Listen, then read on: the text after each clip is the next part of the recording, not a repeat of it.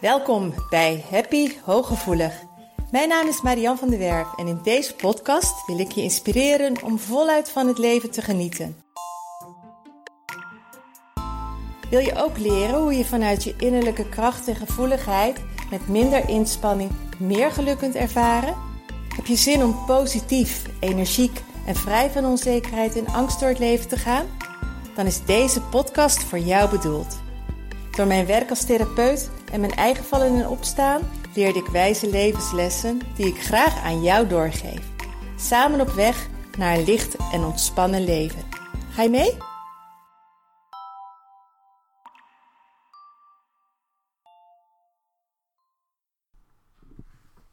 Welkom bij weer een nieuwe aflevering van Happy Hooggevoelig en super tof dat je weer luistert. Vandaag een onderwerp wat heel veel hooggevoelige mensen kan helpen als ze hier naar luisteren. Het gaat vandaag namelijk over stress, burn-out en overprikkeling. Het is schrikbarend dat momenteel, als je naar de cijfers kijkt, een van de vier mensen een burn-out krijgt. En in die doelgroep die een burn-out krijgt, daar zitten heel veel hooggevoelige personen, omdat wij gevoeliger zijn voor overprikkeling en burn-out. In deze podcast ga ik um, echt daar wat dieper op in over het ontstaan, wat er gebeurt binnen je systeem en wat er ook nodig is in verschillende gradaties uh, om ermee om te gaan en om eruit te komen en om ervoor te zorgen dat het niet gebeurt als je nog niet, of hoe je er niet nog weer een keertje uh, bijvoorbeeld in een burn-out terecht gaat komen. Of hoe je je stress kunt reduceren. En dat is heel die verschillend. De aanpak is heel verschillend. Het is sowieso natuurlijk al heel verschillend wat bij jou uh, resoneert. Maar ook heeft het heel erg te maken wat je doet en hoe je het doet. In welke fase van vermoeidheid uh, of stresslevel je zit. Sowieso is het zo dat bij hooggevoelige mensen de hoeveelheid prikkels die jij binnenkrijgt op een dag, uh, de intensiteit waarmee jij de prikkels binnenkrijgt via alle zintuigen. En uh, de intensiteit daarvan is al um, waardoor jij sneller overprikkeld raakt. Ook jouw diepgaande informatieverwerking, de manier waarop jij alle prikkels verwerkt, sowieso de hoeveelheid prikkels die je al moet verwerken is natuurlijk al meer. Maar ook door um, dat je er zo diep over nadenkt. Dat maakt dat jouw brein sneller overbelast is. Je moet het zo zien als een um, uh, gsm, een telefoon. Um, hoe intensiever je die gebruikt, hoe sneller de batterij leeg is. hoe sneller je geheugen vol raakt. En je ook bijvoorbeeld weer foto's eruit moet laten en video's weer moet um, deleten. Nou, zo is het ook met jouw brein. Hoe meer daar binnenkomt, en dat komt gewoon bij jou meer binnen, hoe meer tijd er nodig is om de boel leeg te trekken en ook hoe vaker je het moet leegtrekken. En bij een te ontstaat stress. Oververmoeidheid staat bij, bij de te als, je, als er te veel van jou gevraagd wordt, als jij te veel doet, um, meer doet dan dat je aan kunt, als je te hard je best doet, te perfectionistisch bent bijvoorbeeld, als je draaglast groter is dan je draagkracht. Uh, want op het moment dat jij meer doet dan dat je aan kunt, meer prikkels binnenkrijgt dan dat je daarna weer verwerkt, meer op je schouders neemt dan dat je kunt afwerken, dan ontstaat er stress. En in wezen is stress een gezonde lichamelijke reactie. Want op het moment dat je stress hebt, dan ga je over tot actie. Bijvoorbeeld, dat zie je als je een deadline hebt ergens voor, dan kun je in één zin in actie komen. Dan ga je ineens aan de slag. Dan prepareert jouw lichaam zich om uh, resultaat te boeken, om um, in actie te komen. En als je kijkt naar wat er dan gebeurt in jouw systeem, dan ehm, ben je ineens scherper. Je bent actiever, je bent meer geconcentreerd, ehm, je kunt langere uren doorgaan. Dus jouw autonome zenuwstelsel reguleert dat als het ware zelf. Daar hoef je in wezen, je hoeft niet tegen je brein te zeggen: nu moet je je beter concentreren. Je hoeft niet tegen je ademhaling te zeggen: nu moet je zorgen dat er goed extra veel zuurstof in mij is. Ook bijvoorbeeld als jij ineens tot een bepaalde sportprestatie wilt leveren, en dan hoef je niet tegen je spieren te zeggen: nu moeten jullie harder werken. Nee, dat regelt jouw autonome zenuwstelsel, die regelt dat. En ehm, dat is een heel mooi, goed werkend systeem. Maar daar zit een maar aan. Ehm, dat autonome zenuwstelsel, die werking daarvan, die kan ook verstoord raken op een moment dat jij niet meer gezond bezig bent. Ik ga je daar in het kort een beetje meer over vertellen hoe dat precies werkt. Jouw brein bestaat namelijk uit drie delen. En het binnenste, het reptiele brein noemen ze dat. Oeps, gaat mijn microfoon bijna. Uh, dat is het deel wat jou helpt om te overleven. Dat is een stukje uh, instinctief. En het stuurt die, die lichamelijke functies en die instinctieve reacties, die worden aangestuurd door dat oudste deel van jouw brein. Het tweede deel, wat daaromheen is gekomen, dat is je emotiecentrum. Um, je gevoelsleven, je beleving, je empathisch vermogen, je, je zelfbesef um, en het besef, de verbinding met jezelf en met de anderen. En het derde deel, wat er bovenop ligt, het buitenste deel van je hersenen, dat onderscheidt ons ook van dieren bijvoorbeeld. Um, dat is je um, neocortex, je cognitieve deel, je denken. En die moeten continu met elkaar samenwerken. En dat is steeds een afstemming tussen in wezen Ehm, er komt iets binnen via jouw zintuigen. Er komt een lichamelijke sensatie. Dat gaat naar jouw brein. En jouw brein stuurt vervolgens weer jouw systemen aan wat er moet gebeuren. Maar bij te veel stress raakt dat verstoord. Die communicatie raakt verstoord. En met name het eerste bij veel stress, het eerste wat er uitgeschakeld wordt, is de verbinding met de neocortex. Als jij bijvoorbeeld ineens in een hele erg stresssituatie raakt, of noem dat bijvoorbeeld ook even wat er gebeurt als jij paniek krijgt, of dit, dan kun je niet meer helder nadenken. Dan blokkeer je. Um, dan heb je bijvoorbeeld je emoties niet meer onder controle. Dan ontstaat er onrust, dan staat er paniek. En in wezen um, je hebt een sympathisch zenuwstelsel en je hebt een parasympathisch zenuwstelsel. Het sympathisch zenuwstelsel, dat zorgt ervoor dat je in die actie komt bijvoorbeeld. Wat ik zei, als je een deadline moet halen, een sportprestatie moet leveren. Als er ineens een acute situatie is waarop jij moet reageren, dan verhoogt je hartslag. Dan gaat je bloed naar je ledematen. Dan... Um, prepareert zich, je lichaam zich dus tot actie. Dan ontstaat die tijdelijke stress die in wezen gezond is. Op het moment zodra die niet meer nodig is, dat kan je heel mooi bij dieren zien. Ze kunnen keihard vluchten. Zodra de rust weer is en het is weer veilig, poep, dan zie je die rust weer helemaal terugkomen. En dat is het parasympathisch zenuwstelsel. En wat gebeurt er bij uh, overprikkeling, bij chronische overprikkeling, bij langdurige stress?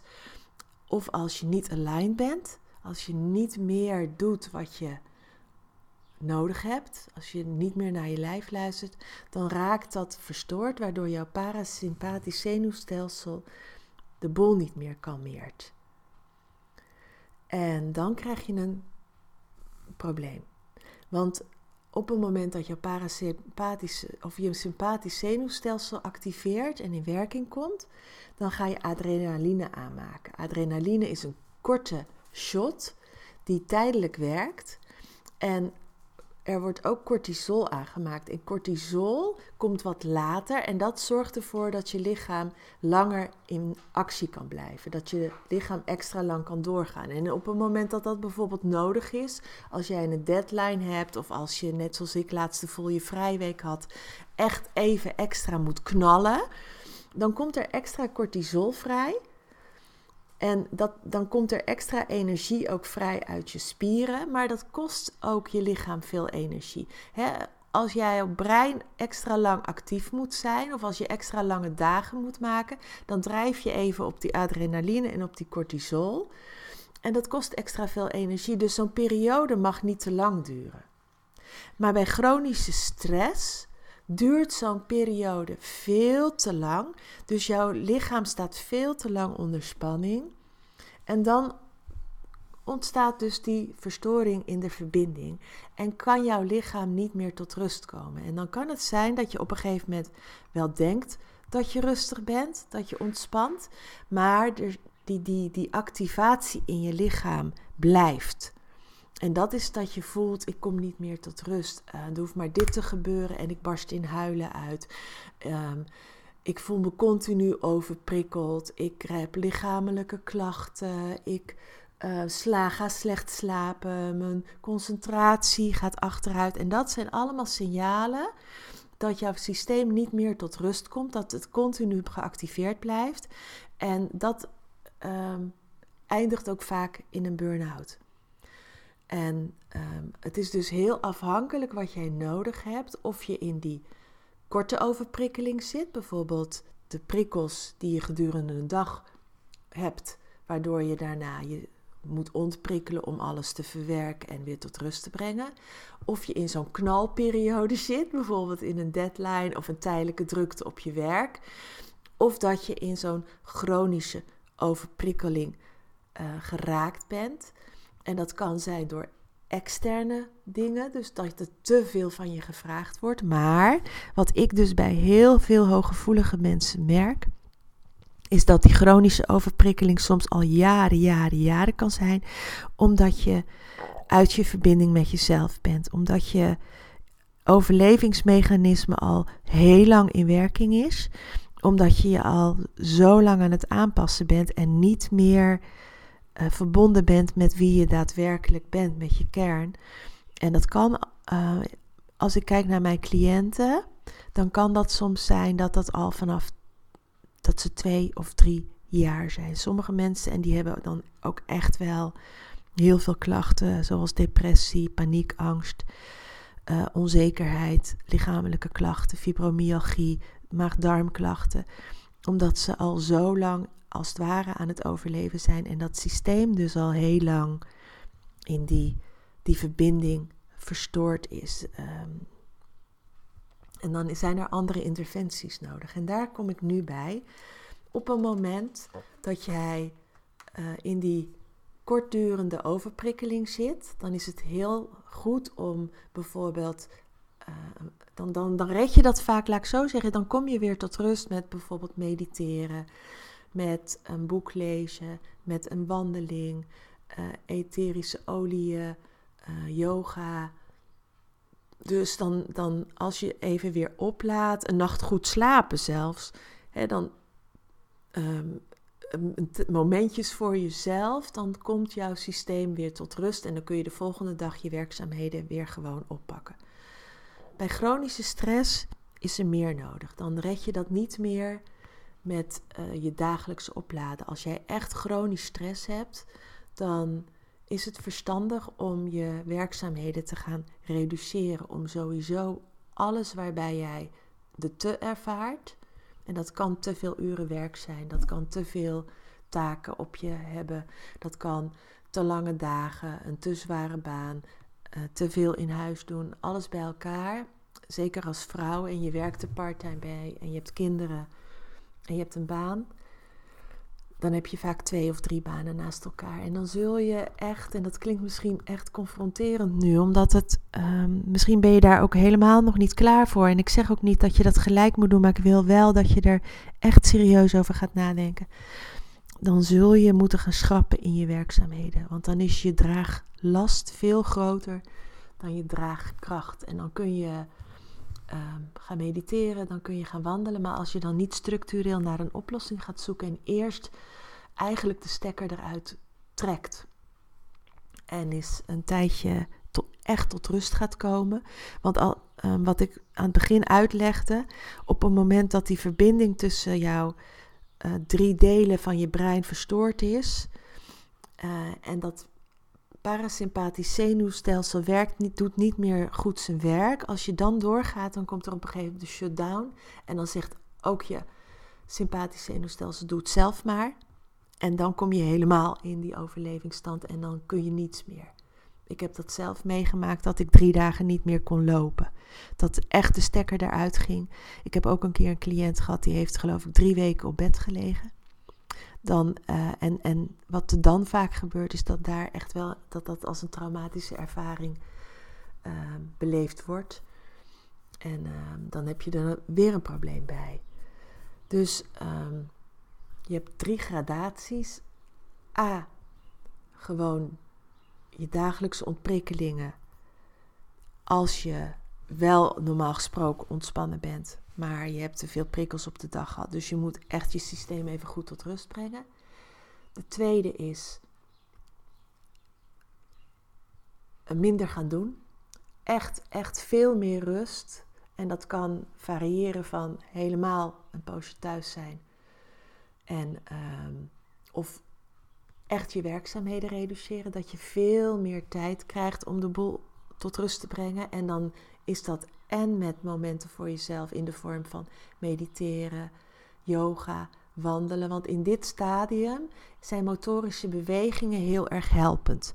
Want um, als je motorisch bezig bent, bijvoorbeeld tuinieren, ook puzzelen in de buitenlucht, sporten en dan niet een, een fanatieke um, sport zoals voetballen of, of waarmee je een team sport, maar vooral ook um, dansen, tai chi, qigong, yoga, uh, waar, um, pilates, waar je heel erg die coördinatiebewegingen met paarden werken, paardenborstelen, uh, paardrijden. Want dan ben je heel erg met links, rechts, met de coördinatie van je systeem bezig. Waardoor die hersenhelften weer met elkaar moeten communiceren en waardoor je die verbinding weer tot stand brengt.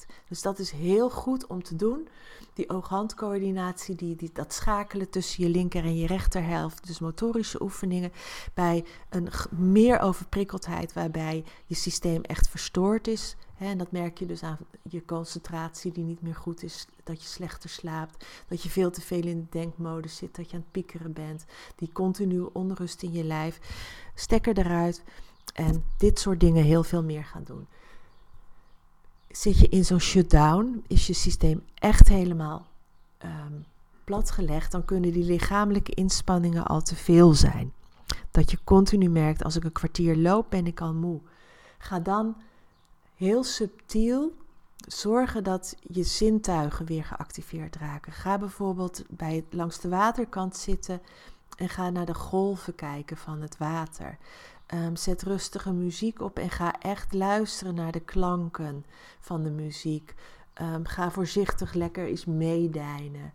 Ga um, buiten zitten uh, nu het weer wat beter wordt. En ga gewoon eens naar de vogeltjes kijken. Of ga eens heel rustig de omgeving scannen van links naar rechts.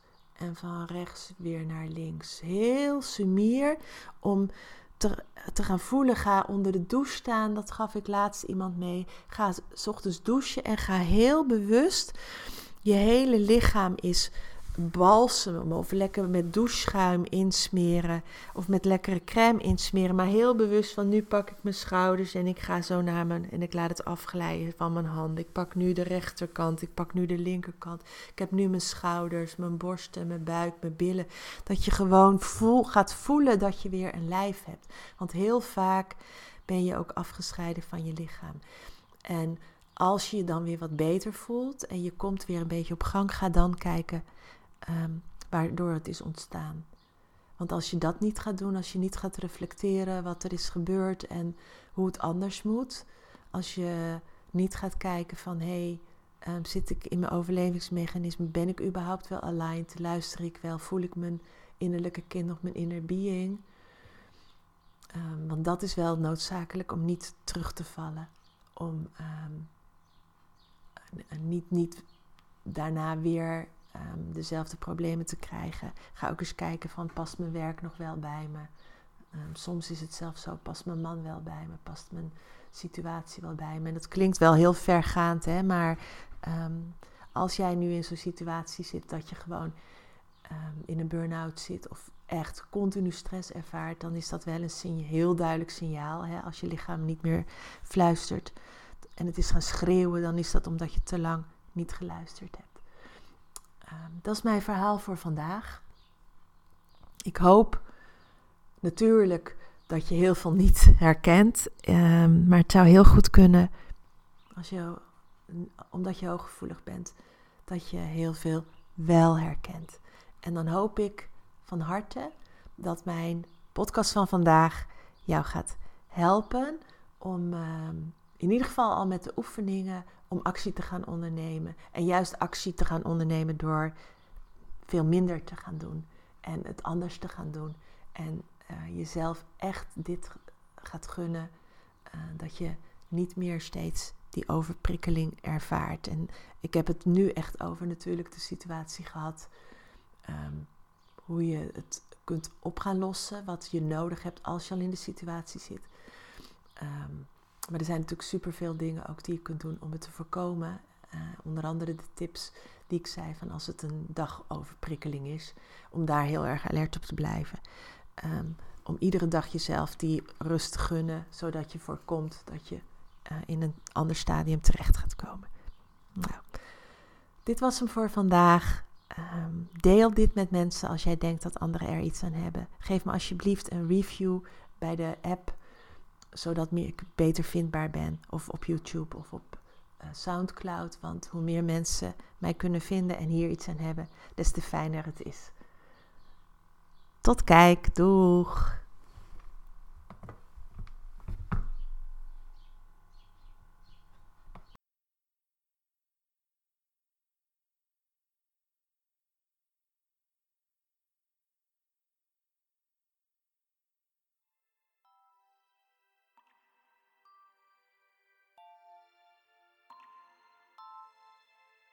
Dank dat je luisterde naar Happy Hooggevoelig. Heeft deze podcast je nieuwe inzichten gegeven? Je doet me groot plezier met een recensie op Apple Podcast. Je kunt je natuurlijk ook abonneren op dit kanaal in jouw favoriete podcast-app. Want elke week staat er een nieuwe aflevering voor jou klaar. En wil je nu zelf aan de slag en meer lichtheid ervaren? En sta je open voor nieuwe inzichten en verandering? Neem dan vooral eens een kijkje op mijn website www.zienswijs.nl. Daar help ik je graag nog verder. Zie ik je daar?